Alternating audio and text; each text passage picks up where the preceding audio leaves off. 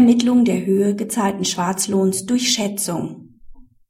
Der BGH beschäftigte sich mit der Frage, wann der durch Schwarzarbeit verursachte finanzielle Schaden mittels einer Schätzung durch das Gericht bestimmt werden darf. Der Angeklagte hatte in seiner Baufirma etliche Arbeitnehmer beschäftigt, ohne die Beschäftigungsverhältnisse dem Finanzamt und den Sozialversicherungsträgern zu melden. Das Landgericht hat ihn dafür wegen Steuerhinterziehung und Vorenthaltens von Arbeitsentgelt zu einer Freiheitsstrafe von drei Jahren verurteilt. Das landgerichtliche Urteil hatte vor dem BGH keinen Bestand. Die Richter des ersten Strafsenats rügten vor allem, dass das Landgericht den durch die Schwarzarbeit entstandenen Schaden im vorliegenden Fall anhand einer Schätzung ermittelt hat.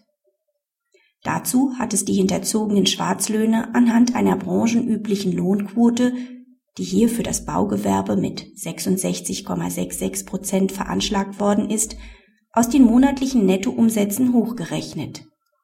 Die so ermittelten Beträge wurden als Nettolohnsumme herangezogen und daraus dann wiederum nach 14 Absatz 2 Satz 2 SGB IV ein Bruttogehalt berechnet.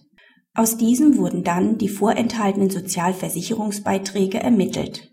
Nach Ansicht des BGH ist eine Schätzung der Bemessungsgrundlagen für den entstandenen Schaden zwar grundsätzlich zulässig, wenn keine aussagekräftigen Beweismittel für eine konkrete Berechnung vorhanden sind und die Schätzung auf einer tragfähigen Grundlage beruht.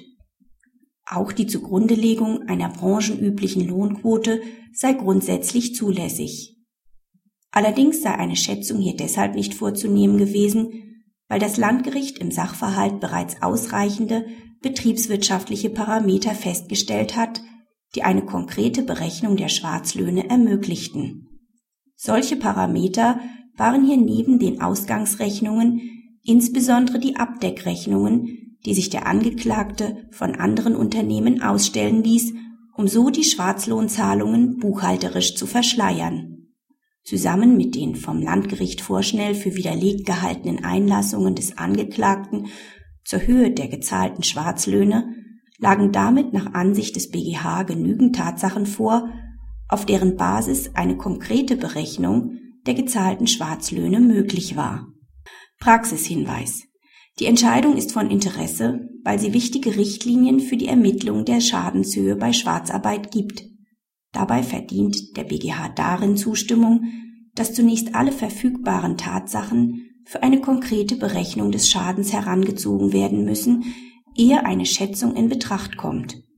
Problematischer ist hingegen, dass der BGH an der stark kritisierten Auffassung festhält, dass im Baugewerbe regelmäßig zwei Drittel des Nettoumsatzes als Nettolohnsumme veranschlagt werden dürfen